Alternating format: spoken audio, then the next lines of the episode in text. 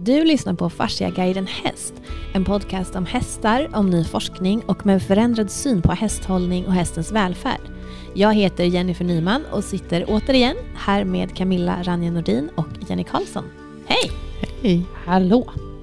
Idag så tänkte jag att vi ska prata om hur man som hästägare kan och bör tänka kring den eh, ekonomiskt påfrestade situation som kanske råder till viss del och också varnas för ännu mer skulle kunna komma att uppstå. Och mm, tänkte börja med frågan eh, till er egentligen spontant bara. Vad är viktigt oavsett ekonomisk situation att aldrig sluta prioritera? Hästens grovfoder. Ja, jag tänkte precis säga detsamma. Apropå förra avsnittet då. och självklart utevistelse, men det kanske inte... Det kostar väl inte det kost, så kostar någonting som sagt. Men ja, möjligen då att, att om man har uppstallat med full service. Ta bort full service och då börja bocka själv. Precis, och att kanske släppa ut själv. Och mm. då, det, det kan ju också kosta därför att då är man tvungen att sitta och åka. Ja, visst är det väl så. Men, eh, Men grovfoder absolut, framför kraftfoder? Grovfoder absolut viktigaste. Sen måste man komplettera med det som måste kompletteras. Men inte. Och hovslagare? Hovslagare. Jätteviktigt. Och eh, självklart om hästen blir dålig. Så att man har, har råd med veterinär. Så, då var vi klara.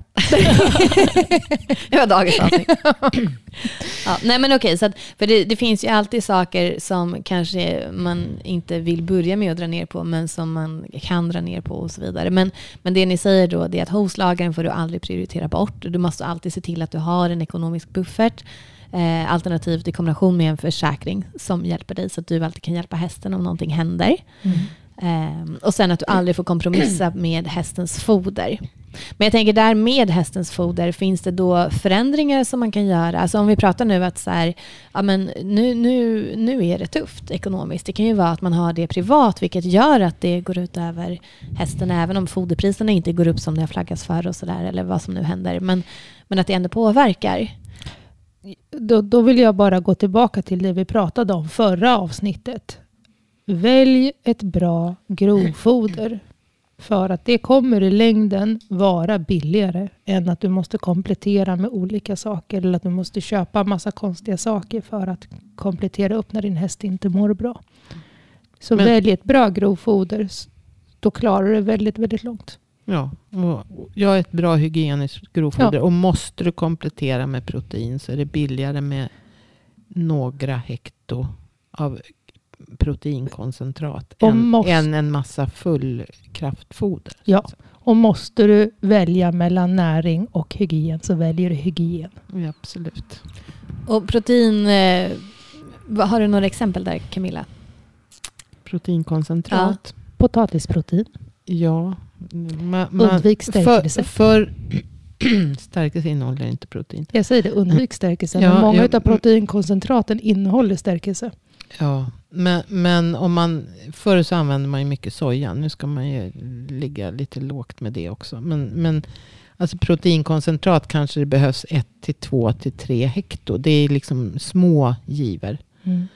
För att få upp proteinnivåerna ofta. Men då måste man ju ha koll på det då. Men eh, eh potatisprotein är ett inhemskt protein.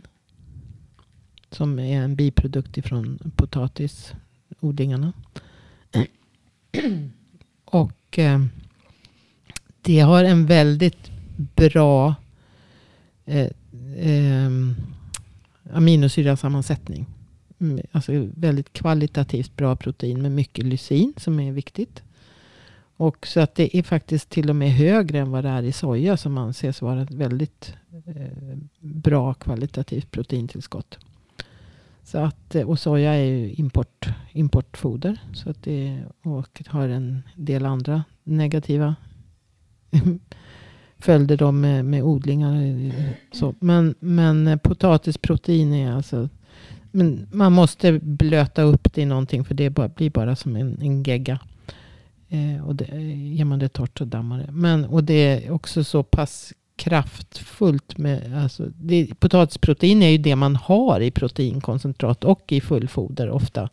Som en, ett, en råvara så att säga. För att få upp proteinnivåerna. Så att, men eh, det, det, det kanske ser ut som det kostar mycket. Men som sagt, man ger ju ofta bara något, något hekto. Mm. Så att eh, det, det är ett bra tillskott för att liksom hålla nere kostnaden. Det är inte lika roligt att ge potatisprotein som att ge andra foder. Men det är mycket mer effektivt. Det är väl inte det viktigaste, att det ska vara roligt att fodra. Ja, det är det folk tycker. Ja, jag tänkte precis säga det. Det är det folk tycker är kul. Stå och pilla med de där burkarna. Mm. Men okej, eh, hovslagaren ska man inte heller kompromissa med. Nej. Då antar jag att det gäller både att ta ut den och att man inte har längre intervall, intervaller mellan skoningarna. Men kan man till exempel se över hur man skor? Alltså kan man ta av skorna på hästen så kommer man ju ner ganska mycket i priset. Kan det vara ett alternativ om man, behöver liksom, om man verkligen behöver se var kan jag skära kostnader? Alltså om vi pratar hovslagare och skära kostnader där, absolut. Om hästen klarar av, eller, ja, väldigt många hästar klarar faktiskt av att gå barfota om man planerar det och gör det smart. Och har du dessutom en bra hovslagare eh, som, eh, och, och du själv inte är rädd så kan man ju faktiskt eh, kanske öka någon vecka och så om du eh, om din hovslagare visar liksom lite hur du själv ska fila för att undvika vissa saker, att det flikar sig eller någonting sånt, så kan man ju också liksom eh, det, Spara lite det varierar ju också på hur, hur olika hästar växer och hur, hur hovarna ser ut. Och, och, Mm. Men det där kan ju hovslagaren hjälpa till med Det är det också. jag menar. Och hovslagaren kanske är mer mån om att få behålla dig som kund. Men att det är någon vecka extra då emellan. Ja, Men, men precis. men eh, absolut, de allra flesta hästar ka, kan nog ta av skorna bak kanske. Man Mm. kanske kan ha halvskott. Men man måste planera det lite grann. Man kan inte bara rycka av dojorna och sen tro att det ska funka. Utan Mm. Men Och det, det måste vara en dialog man får föra med sin hovslagare då. och Säga så här, det är kärvt, jag Ja. behöver fundera på vad jag kan göra för att få bättre ekonomi, men jag vill inte kompromissa med min häst. Mm. Eh, Kan vi till exempel dra av alla skor? Eller kan Mm. vi dra av några? Eller kan Mm. vi se? Och att man kanske då får till svar att ja, men vi kan göra det successivt. Eller Mm. att vi kan börja bak och vi kan Mm. se hur det håller. Så, Mm. så hovslagaren som ser just din häst vet ju bäst om just den hästen, tänker Mm. jag. Och sen är det ju att man gör det vid rätt tillfälle. Att man, om man vill ta av runt om. Och att man så att säga långsam anpassning. Det, det går ju inte. Man kan ju inte förvänta sig att hästen kan jobba på ett eh, hårdare grusunderlag kanske direkt. Inte första efter. veckan i alla nej, fall. Nej. Är det rimligt att, jag tänker om man har en häst inackorderad, om vi utgår från att det är det vanligaste, eh, kanske.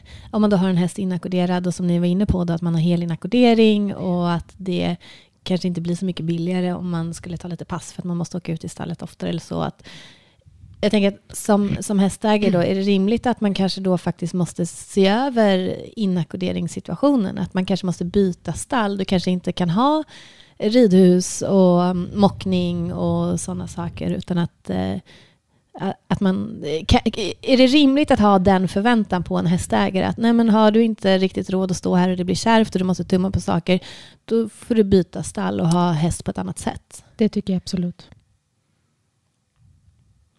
Ja, stallägarna måste ju också ta, alltså de har ju ökade kostnader. Som, Mm. Så att det, självklart måste de ta ut de kostnaderna också. Så att det är inte meningen att de ska sponsra. Har man inte råd att ha häst så då kan man inte ha häst. Nej, så är det ju. Och det vet vi väl alla, att man, man prioriterar ju alltid bort sig själv först. Ja. Mm. Eh, så, så gör väl alla hästmänniskor oavsett om det är ekonomi eller andra anledningar, tid eller någonting, att man lägger ju allt på hästen såklart. Ehm, men då mm, kan det vara ett alternativ också då, att man ser över eh, för jag tänker så här att om, om jag skulle sitta i en sits där jag inte vill sälja min häst, men att jag har det väldigt tufft och mm, det kanske finns ett stall där det inte finns ridbana ens. Mm. Ehm, Man kan träna i skogen. Titta på Ulla Håkansson. Ja, ja men absolut. Och, men det viktigaste är ju då att det finns bra uteridvägar. Exakt. Det är nästan viktigare än ridbana och ridhus. I alla Och fall definitivt viktigare än ridhus. Ja, och det viktigaste är väl ändå att hästen har det bra. Att det är bra hagar, Ja, bra precis. foder, bra luft om den ska stå inne. eh, tillgång till bra vatten. Så att man tummar egentligen snarare då på det som man själv tycker är praktiskt och eh, den tiden man kanske har betalat för att spara i Mm. form av hjälp med olika saker. Men tummar aldrig på hästens behov och välbefinnande.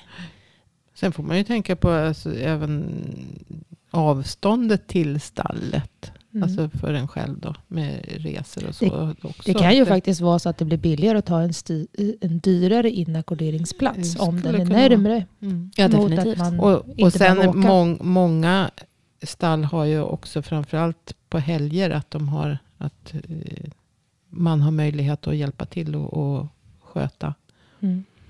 och ta pass så att säga. Så att man kanske får ta, det vet jag många som gör, som liksom tar fler Mm.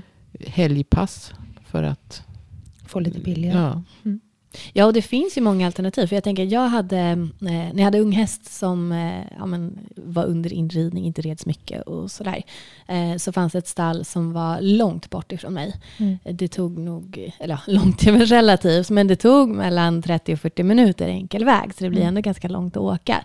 Men där fick jag dels en väldigt, väldigt billig stallhyra, måste jag säga. Mm. Eh, och sen så var det en person som tog så väl hand om hästarna. Vi delade samma typ av syn på hästhållning. Och, mm, hon behandlade ju mina hästar som om det var hennes och som om de var kungliga. Liksom, Mm. sådär, och hörde av sig om minsta lilla. Och det gjorde att jag behövde inte åka ut alla dagar i veckan. Mm. Så att trots att det kostade mig mer att åka dit för att det var längre så mådde hästarna fantastiskt. Och eftersom att jag inte, de behövde inte mig varje dag. Och då blev det inte dyrare för mig heller i och med att jag inte åkte ut varje dag. Så det kanske också kan vara ett alternativ om man kan hitta... Så det, det är ju mycket att tänka på, tänker jag. mm. Absolut. Mm. Visst är det men, så. men det, blir, det blir tuffare. Det kommer det bli. Mm. Vad kommer att hända då, då tror ni? Foderkostnaderna kommer ju öka. Ganska kraftigt tror jag. Det kommer de att göra. Och det blir dyrare brä, och- bränslepriser och, och plastpriser och allting. Ja, och Alltså, det har ju inte redan- gödningen Ja, har ju ja, dragit ja, men alltså det blir Mm. ju eh, allt som kostar bränsle så att säga. Dels så får du betala mera för fodret eftersom Mm. bonden har haft högre bränslekostnader. Men sen har ju du högre bränslekostnader också som ska sitta och åka till stallet Mm. fram och tillbaka. Tror ni att det kommer leda till att många kommer behöva sälja hästarna eller tror ni att det kommer leda till att många behöver kompromissa mera? Jag tror att det kommer vara både och. Jag, kommer, jag tror att det kommer vara vissa som kommer behöva sälja och vissa kommer kompromissa. Man får bara hoppas att de kompromissar på rätt sätt. Mm. Så lite mer då, vad är rätt sätt? Hästens välbefinnande framför nya schabrak. Jo, men precis.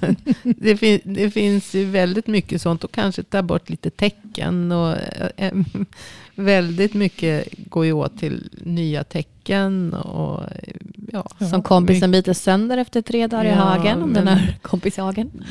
Visst det är det så. kanske är bättre att ge lite mer grovfoder. Det blir billigare än ett eh, täcke. För att när häst, Ja. hästen äter mer grovfoder, det grovfoder producerar mer värme än vad kraftfoder gör. Men, så Sen, att, eh, så, och just när det då- kommer till det där, att man inte behöver ha täcke på sin häst. Det är också en helt, det är en helt annan podd i och för sig.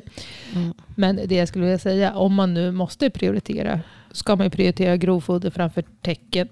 För att det tar inte så många veckor för en häst att producera tillräckligt mycket brunt fett för att Nej. klara sig.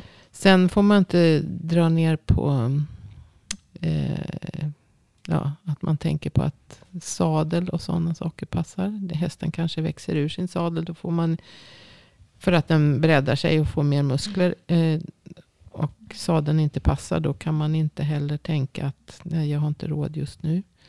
Men man Men- kanske inte måste köpa Man det dyraste behöver märket. inte köpa en ny sadel kanske. Men man måste anlita en duktig sadelprovare. Som kanske kan hjälpa en med en billigare begagnad sadel. Eller så kanske man man just under en period kan jobba den från marken lite Det mer. kan man också göra. Ja, om det ändå ska, eh, att hästen ändå är i en utvecklingsfas där det händer mycket, så kanske det faktiskt det är en fördel att man då gör lite mer jobb från marken så att hästen har växt färdigt lite så man inte måste byta sadel tre gånger, utan kanske bara en gång däremellan. Mm. Mm.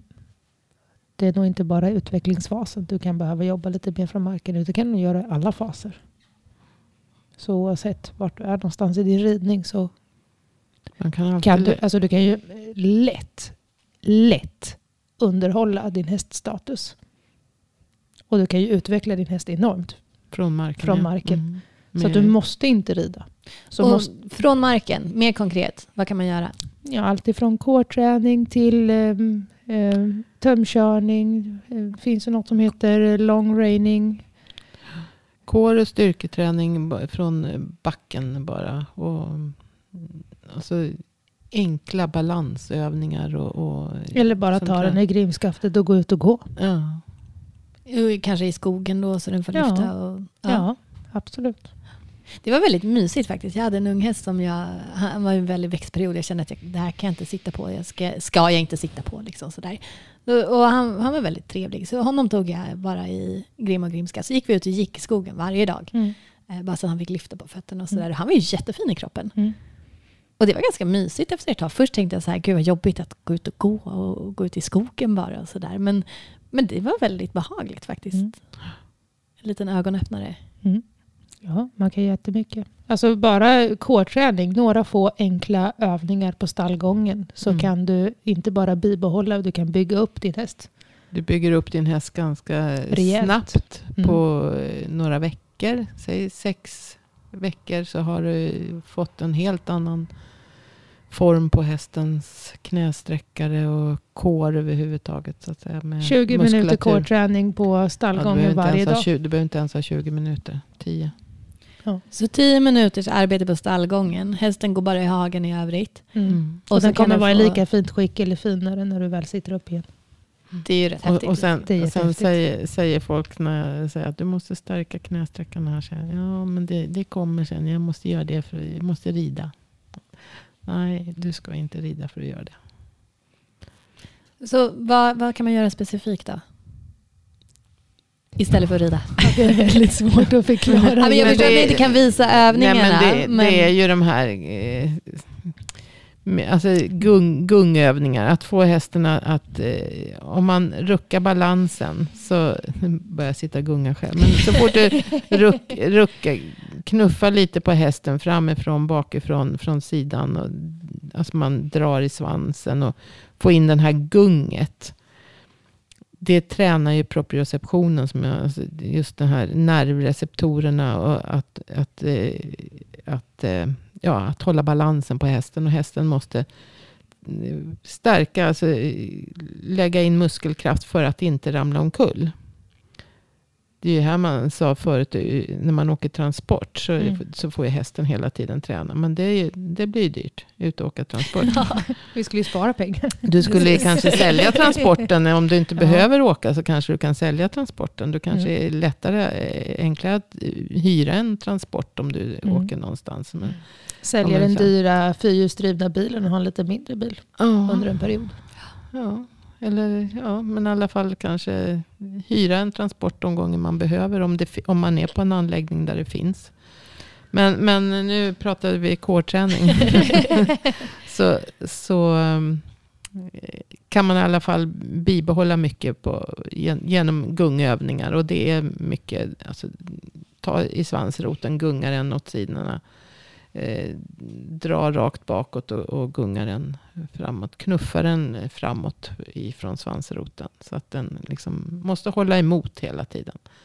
Eh, stretchövningar, att man lyfter ett ben och gungar samtidigt. Det är också sånt som man eh, försvårar balansen, liksom, eller balansaktiviteten ännu mer. Då, då, så att man liksom försvårar övningen genom att lyfta ett ben. Och, mm.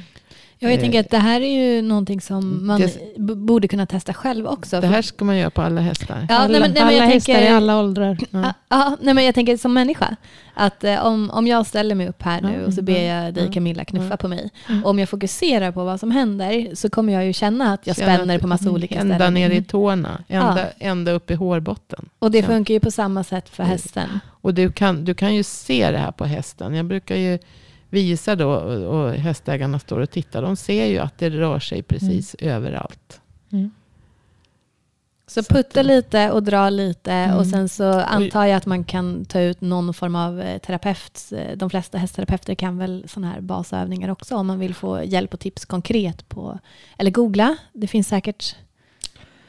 Eller ska man vara Ja. försiktig med det? Jenny, du är ju Nej. väldigt eh, aktiv online. Ja, alltså jag är ju väldigt vetgirig. Jag googlar väldigt, väldigt mycket. Men, och jag kan säga att jag har googlat på core-träning för häst. Och just där är det jättesvårt att hitta. Det är jättesvårt att hitta eh, ja, övningar, konkreta övningar på core. Eh, I alla fall sist jag gjorde, nu är det ju det några år sedan i och för sig. Så det kanske har Mm. kommit nu. Men det finns faktiskt en, eh, två, två böcker har jag hittat.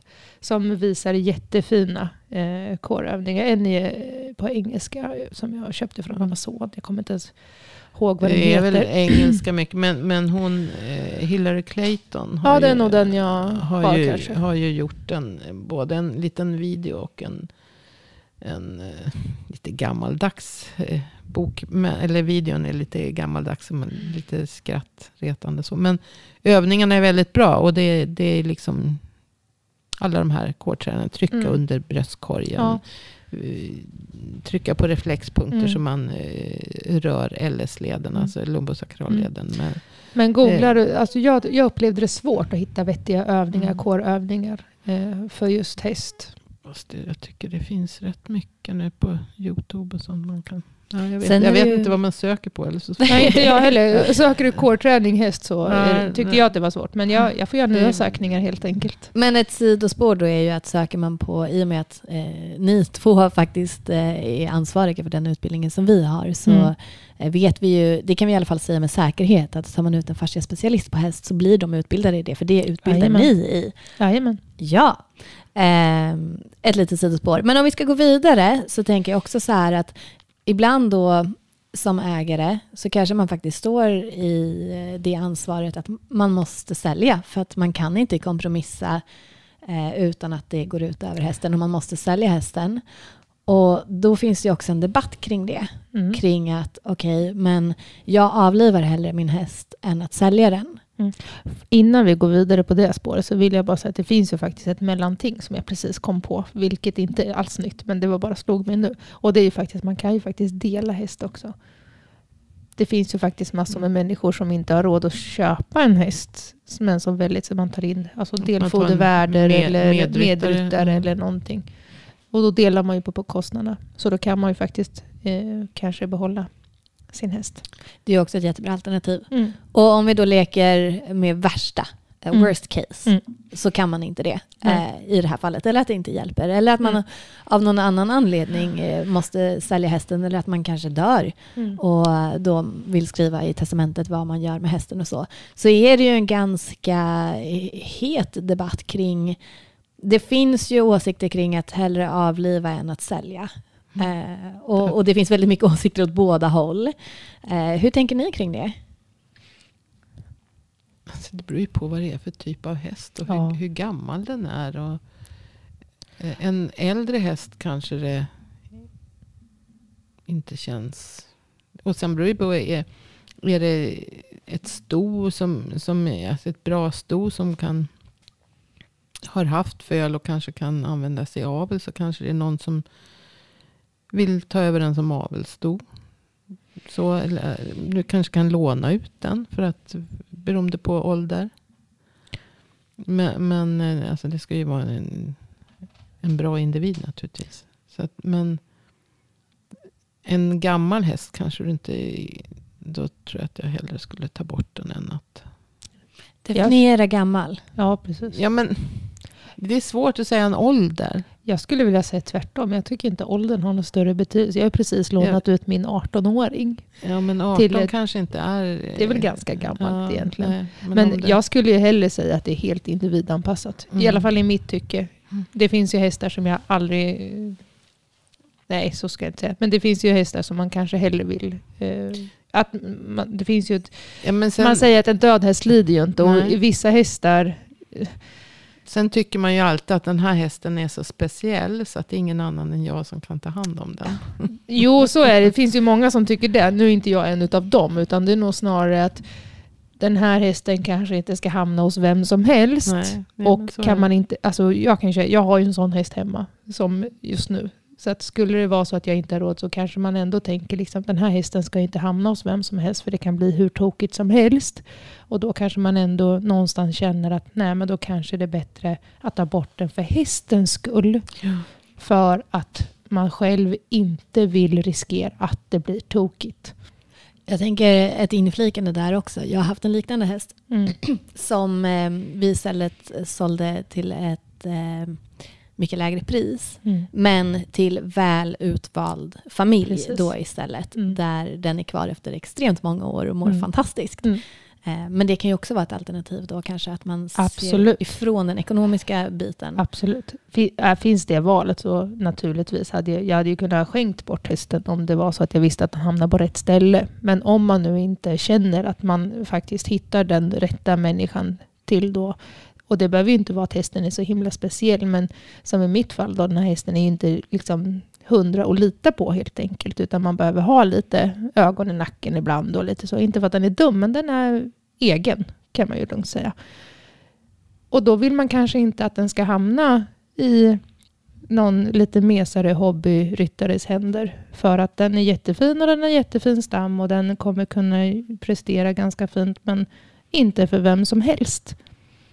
Så jag, jag förstår fullt ut att det finns de som tänker att hell, hellre en död häst än en häst på fel plats. Mm.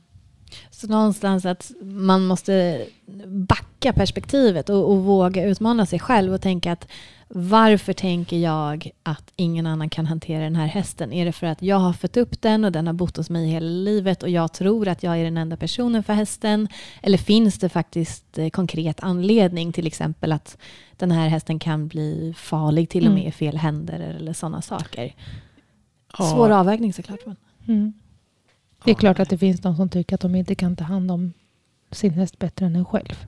Jo. Så är det. Och det har vi väl alla tänkt någon gång kanske. Är ens ögonsten. Du flinar Camilla. Mm. Nej men det är ju mycket, det, det är ganska tråkigt och, och um, alltså säljer en häst också till ett, ett lägre pris. Att du måste ju verkligen vara mån om att, verkligen noga med. Det har blivit fel många gånger. Mm. Just att eh, man tror att det ska bli bra. Men den som köper hästen är inte lika noga med foder. Och, eh, Det behöver ju inte ens vara den du säljer till. Du kanske säljer till helt rätt människa. Men så kanske den i sin Ja, tur hamnar i precis. trubbel. Ja, och så säljer den Ja. i sin tur vidare. Och det blir jättetokigt. Så Mm, det är ju mm, liksom flera led man tänker. Så man Så- måste, ju, måste ju vara säker på att eh, den som köper den då har, har möjlighet. Den kanske också som sagt hamnar Mm. i... Så i grunden tycker vi nog att man absolut inte ska slå ihjäl hästar i onödan.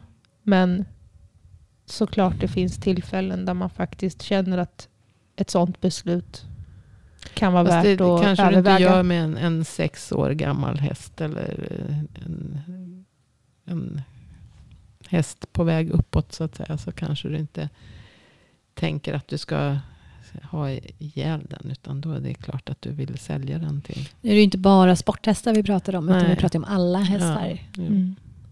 Ehm. ja, Det är svårt. Men jag tycker fortfarande att om det är en äldre häst som så kanske man eh, ja, om, men det, nej men det är svårt. Man måste ju veta vart den så helt enkelt, det kan vara så att, jag, jag tror att vi någonstans säger samma sak, eller tänker samma sak, att det kan vara så att avlivning kan vara ett bättre alternativ, även om din trytande ekonomi är det som är det bakomliggande orsaken. Mm. Eh, Men det är såklart att det inte ska vara det första alternativet. Det finns väldigt mycket man kan göra innan dess. Ja, absolut. Eh, En annan aspekt som, som jag funderat på, ni var inne lite på det att man kan inte tumma på veterinären. Mm. Jag har haft som en egen regel för mig själv. Och här gör säkert folk väldigt, väldigt olika. Men för min del så har jag alltid haft att jag ska alltid ha på ett konto tillräckligt med pengar för att det tillsammans med den försäkring som jag har valt ska täcka eh, allt som kan tänkas hända med hästen. Det brukar ju vara att försäkringen, du har en rörlig del som du betalar själv och sen så har du en självrisk. Så att på det kontot, beroende på hur många hästar jag då har, ska det finnas att det täcker det. Eh, så att jag alltid det, det ska alltid finnas en möjlighet för mig att hjälpa hästen rent eh, veterinärvårdsmässigt om någonting händer. Eh, och de pengarna, de, har jag liksom, de räknar inte jag till på mitt konto. De finns inte, för de är låsta till det. Liksom. De existerar mm. inte. Så har jag gjort. Det finns säkert tusen sätt att göra det på. Men hur, hur, hur ska man tänka där kring just försäkring och med veterinärvård? Och är, är, det, är, det, är det rimligt som hästägare att inte ha en buffert och tänka att jag löser det när det kommer? Förlåt att jag skrattar, men jag är helt fel människa att ställa den frågan till. men det är väl jätteintressant att ha en jag, jag skulle, vilja, jag skulle vilja vara så att jag säger jag håller helt med dig, och det gör jag ju. Det är klart att man ska ha en buffert, men jag vet ju själv att det är ju faktiskt inte alltid så så det är. Nej, Av egen erfarenhet så vet det, jag det. det, värsta, det jag är likadan. Ja. men, jag, jag, jag, buffert, men däremot så har jag alltid mina hästar försäkrade, även om de inte är så högt livvärde. Jag har väldigt sällan eh, högt livvärde på mina hästar, men de är alltid veterinärvårdsförsäkrade. Samma här. Eh, mm. Men just den där bufferten, den är det faktiskt si och så Det har vi ju pratat om för, men däremot så har ju inte jag mina hästar de flesta inte helt eh, det är ju livvärde, ja, alltså precis. användbarhet ja, helt enkelt. Precis. De är den här gamla A2. Den försäkringen blir ju betydligt mycket billigare. Så, så att du, du får mm. ju allting som hästen lider av, så att säga, olycksfall och, och mm. så får du ju. Det är ju veterinärvård och sen ja, om du akut behöver ta bort den så täcker den ju också avlivning. Det kan, det beror på. De jag har, har, det i alla fall. Mm. Så att, eh, har, har du inte pengar på banken och kan betala så ska du helt klart ha en försäkring. Men den behöver ju inte vara fullvärdesförsäkrad för det du har köpt den för, för då blir det ju väldigt, väldigt dyrt. Ja, det är livförsäkringen som är den dyra. Ja, ja, ja och använd, ja, användbarhet. Ja, användbarhet. Ja, men det, är, det är ju samma sak. Användbarheten mm. är ju typ livförsäkringen. Jo, ja, men fast du, kan ha, du kan ha användbarhet och ett lågt livvärde. Ja, men, alltså du har ett precis. lågt livvärde. Mm. Så det, både ja, då har du ett, ett, ett ja. högt... Mm. Alltså, okay, har, du köpt, har du köpt en häst för 300 000 så, så kostar det väldigt mycket pengar att ha en försäkrad för 300 000. Det gör det om du har köpt den för 100 000 också. Ja, ja, ja. ja jo, jag vet. men, men så då kanske det är ett alternativ också då ett tips om man sitter i en ekonomisk situation. Att så här, ja, du kanske får riskera summan du har köpt hästen för att de kanske brinner in om någonting händer. Så att dra ner på det i försäkringen så kan du spara ganska många hundralappar på en månad. Mm. Men dra inte mm. ner på veterinärvårdsdelen av försäkringen. Nej. Nej, precis. Veterinärvård och olycksfall. Då, så att ja, precis. Men, men däremot så behöver du kanske inte eh, göra en hältutredning då om det är, alltså den, den får ju naturligtvis inte lida. Men, utan, men eh, skulle det komma till en hältutredning då får man ju vara beredd att då måste du ju punga ut det själv. Ja, ja absolut. Men du kanske inte eh, ja, men det... Men jag tänker ni då som gör tvärt emot mig, vilket också tror jag har att göra med antal hästar kanske och lite mm. annat. Um, men, men vad, Jenny, du till exempel, säg att uh, din, uh, ditt stod, att det skulle hända någonting och så mm. har du inte en buffert och så har det hänt någonting. Va, hur tänker du, va, vad skulle du göra? Ringa veterinären. Mm. Jag har ju världens bästa veterinär faktiskt. Men sen, alltså det är ju vad man har för olika förutsättningar. Eh, många förespråkar ju väl att man ska åka in till klinik för precis allting. Eh, och vissa har ju inte något annat alternativ. Eh, och det är ju självklart dyrare att åka till klinik än att ta ut en veterinär som kommer hem. Eh, och idag har vi en jättestor veterinärbrist. I alla fall där jag bor. Eh, och de jobbar inte jourer och de jobbar inte nätter och så. Som sagt, fast nu har jag, jag har en jätte, jättebra veterinär som faktiskt ställer upp på enormt mycket. Så att, eh, jag är ju väldigt eh, lyckligt lottad på det viset. Men alla har ju inte det. Och, alltså, vissa saker kan man ju inte göra själv. Då måste du ha ut en veterinär. Men mycket kan man faktiskt förebygga själv och ta hand om själv. Eh, så att, att läsa på och fråga och lära sig så mycket du bara kan för att undvika och hela tiden förebygga att din häst blir sjuk eller skadad kan du spara enormt mycket pengar på. Det är ju jättebra tips. För att det är, som sagt, alla har ju... Man får göra på olika sätt. Så är det. Och jag menar, det, och väldigt, min erfarenhet är också att väldigt många veterinärer kan man ju ringa och rådfråga. De tar ju inte betalt för alltså, att ge råd och tips om man ringer. Det är också något som ingår i många försäkringar idag. Ja, jag tänkte precis säga det. Det finns ju, Agri har ju någon sån här jag tror att det finns fler. Men jag Eller fler, är flera? Ja, jag är mm. väldigt dålig på det där. men att, att det ingår i försäkringen i alla fall. Mm. Att man kan ringa sån här vårdapp, typ som det finns för ja, människor, finns för också. människor också. ja. Mm. Ja. Så att... Så det finns ganska mycket man kan göra eh, utan att tumma på hästens behov av veterinärvård. Så kan man fortfarande göra ganska du, mycket för att dra ner på kostnader även där. Du måste ju ta ut veterinär om det är så att Ja, du, men det jag säger. Vissa saker en, måste du ju måste, ta ut. Du måste ju ja. låta veterinär titta på det. Sen kanske du kan ta hand om det efteråt. Men du måste alltid få liksom ett uttalande från veterinär om det är så att hästen har en skada. Så att säga. Så, ja, Mm. Beroende på vad det är. Då. Men, jo, men det är det jag menar. menar alltså, det, många gånger kan man ju ringa och rådfråga och ja. alltså, skicka bilder. Och man ja, får liksom lägg... sår. Ja, eller alltså, om det sitter i närheten av en led. Eller sitter i närheten av en led, då brukar ju veterinären alltid vilja komma ut och titta och spola rent och så. För att det kan finnas risker med det. Men eh, som sagt, alltså, man, om man försöker vara påläst och man har en god kontakt eller försöker skaffa sig en god kontakt med en veterinär så är det ju faktiskt inte alltid som de faktiskt fysiskt måste komma ut utan man kan göra själv under inrådan på veterinär. Bland annat. Eller, och framförallt förebygga. Och bara ett litet inflikande här. Återigen, Jenny, du som är väldigt aktiv online. eh, jag antar att du då menar att man, man, ska, liksom, när du säger att man ska läsa på också, att det inte innefattar att rådfråga på Facebook? Det innefattar i alla fall inte enbart att rådfråga på Facebook. För hur den är, alltså, man ska vara jäkligt försiktig och ta råd på Facebook, men samtidigt finns enormt mycket kunniga människor på Facebook.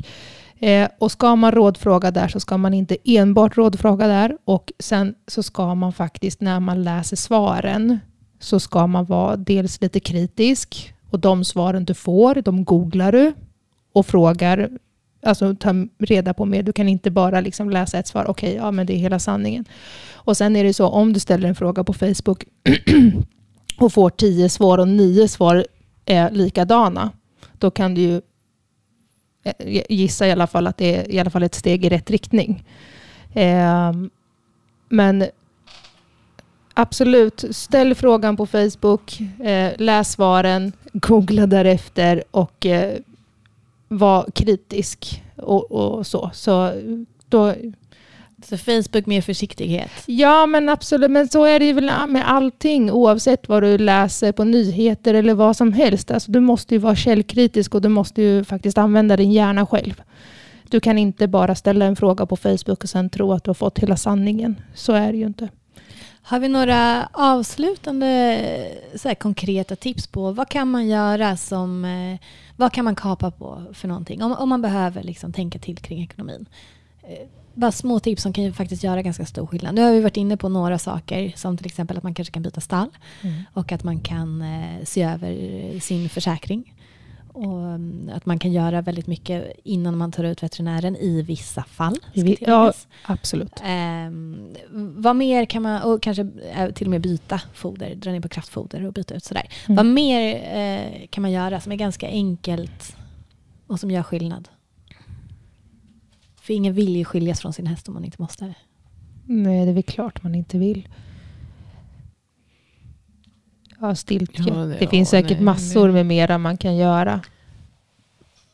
Nej, men framförallt dra ner på alla, alla onödiga tillbehör så att säga. Som inte... Men... Men det är ett ganska bra tips, kom jag på nu när du dra ner på onödiga tillbehör. Eh, det är väldigt populärt att köpa hästsaker begagnat. Mm. Så om man har mycket ja, märkessaker så kanske man kan sälja det mm. och köpa istället begagnade saker som eh, kan mm. vara lika bra men kanske inte lika fina eller att de är lite äldre. Läder blir faktiskt bättre med åren om det är mm. välskött och sådana saker. Ja, visst är det så. Så det kan, där kan man nog spara mycket pengar. Ja, det tror jag. Man, man kan eh, kanske få in en del som sagt på allting som man har köpt som inte används. Jag tänkte precis säga, det är så mycket man äger som man inte använder som man Absolut. faktiskt kan sälja av i första hand. Mm. Alltså jag, sålde, jag fyllde en flyttkartong. Jag har tidigare jobbat på ett eh, företag så att jag eh, hade väldigt mycket saker från det märket som är ett väldigt populärt märke. Ehm, och då mm, så skulle jag sälja saker så då fyllde jag en flyttkartong med saker från det märket och så skickade det till en tjej i England. Och hon betalade 5 000 för den här flyttlådan plus frakt. Mm. Och det enda jag behövde göra det var att lägga ner lite saker, silvertejpa den här flyttkartongen och skicka. Och hon var jättenöjd för hon fick ju väldigt mycket valuta för pengarna fortfarande. Mm. eh, och jag tömde lite i sadelkammaren. Mm.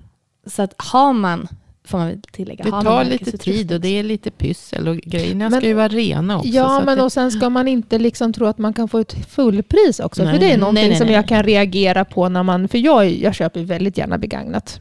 Ehm, men när jag då... För jag vet ju oftast vad jag vill ha.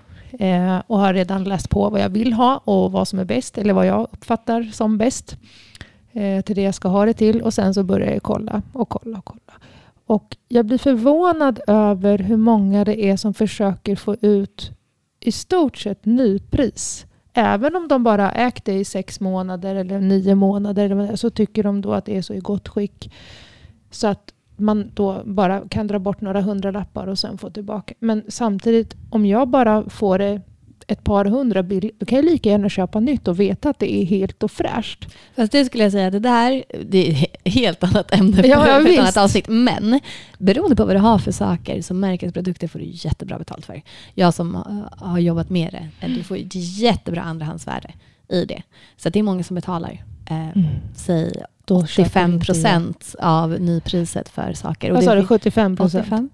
85? 85 procent Ja, av nypriset. Och det finns Det folk som, om du har en wow. märkesprodukt som eh, inte längre går att få tag på, då kan du få betala 500 gånger så mycket. Alltså du kan, eh, Alltså, det, det det, är så kallat unicorns och det är ett helt annat, nu ska vi inte snöa in på det. Det kan vi prata om det får bli ett helt eget program. Precis. Men eh, så kanske man kan tjäna pengar, investera i unicorns. Men eh, det är en helt annan sak. Men jag hoppas att vi kanske har kommit med jag är för lite gammal tips. för allt det där. Jag vet inte, men jag var väl så när jag var yngre också. Men jag, men jag känner det att, Jag har aldrig varit sån. Kö, köpa massa prylar. Det, alltså, nej, det... För mig har det kommit med yrket. Kan Ja, jag, jo, jo, det, jag förstår det. Men just det där med tecken och tecken och tecken och prylar. Det är jätteroligt att gå in i en, i en ridsportaffär. Men och, du kan ju dra ner på prylar till dig själv också. Alltså, jag men, men är det ja, men inte där men- alla nu- hästägare börjar? Vi drar alltid ner på oss själva. Ja, vi drar jo, ner på, vi nu- kan äta nu knäckebröd och vatten, menar bara jag- hästen har det bra. Ja, nu menar jag alltså mera Kläder. Och, kläder för, för häst. eh, Jaha, ja, du menar Ja, ryttarutrustning. Du kanske inte Ja, behöver nya ridbyxor om de inte är trasiga. Du kanske inte behöver ha eh, nya ridstövlar. Eller, ja, men en alltså, matchad utrustning för varje dag. Nej, Nej. det behöver inte Nej, ha. men, och det är väl jätteroligt att göra. Det kan jag också tycka. Hade jag haft hur, hur mycket pengar som helst och alltså, jag hade kirrat allt annat i, och hade råd. Jag skulle också matcha och jag tycker det är Mm. jätteroligt. Men jag skulle ju aldrig någonsin göra det istället för att se till att min häst hade det de behövde. Nej, men det är absolut inte fel. Inte på något sätt. Så Nej. länge det inte kompromissas med andra saker. Med de viktiga sakerna Ja. för hästens välmående. Ja. Ehm, jag tror att vi behöver runda av, men jag hoppas att vi har kommit med lite fler konkreta tips. Och vår förhoppning är väl för alla hästägare där ute att ingen ska behöva använda de här tipsen och att det inte blir så hårt. Men man vet ju aldrig hur det ser ut och Mm. kanske är det någon som får några tankar kring det här och att vi hjälper någon en bit på vägen. Ja. Eh, och så hoppas vi att alla får behålla sina hästar och att allt blir bra. Det gör vi. 또?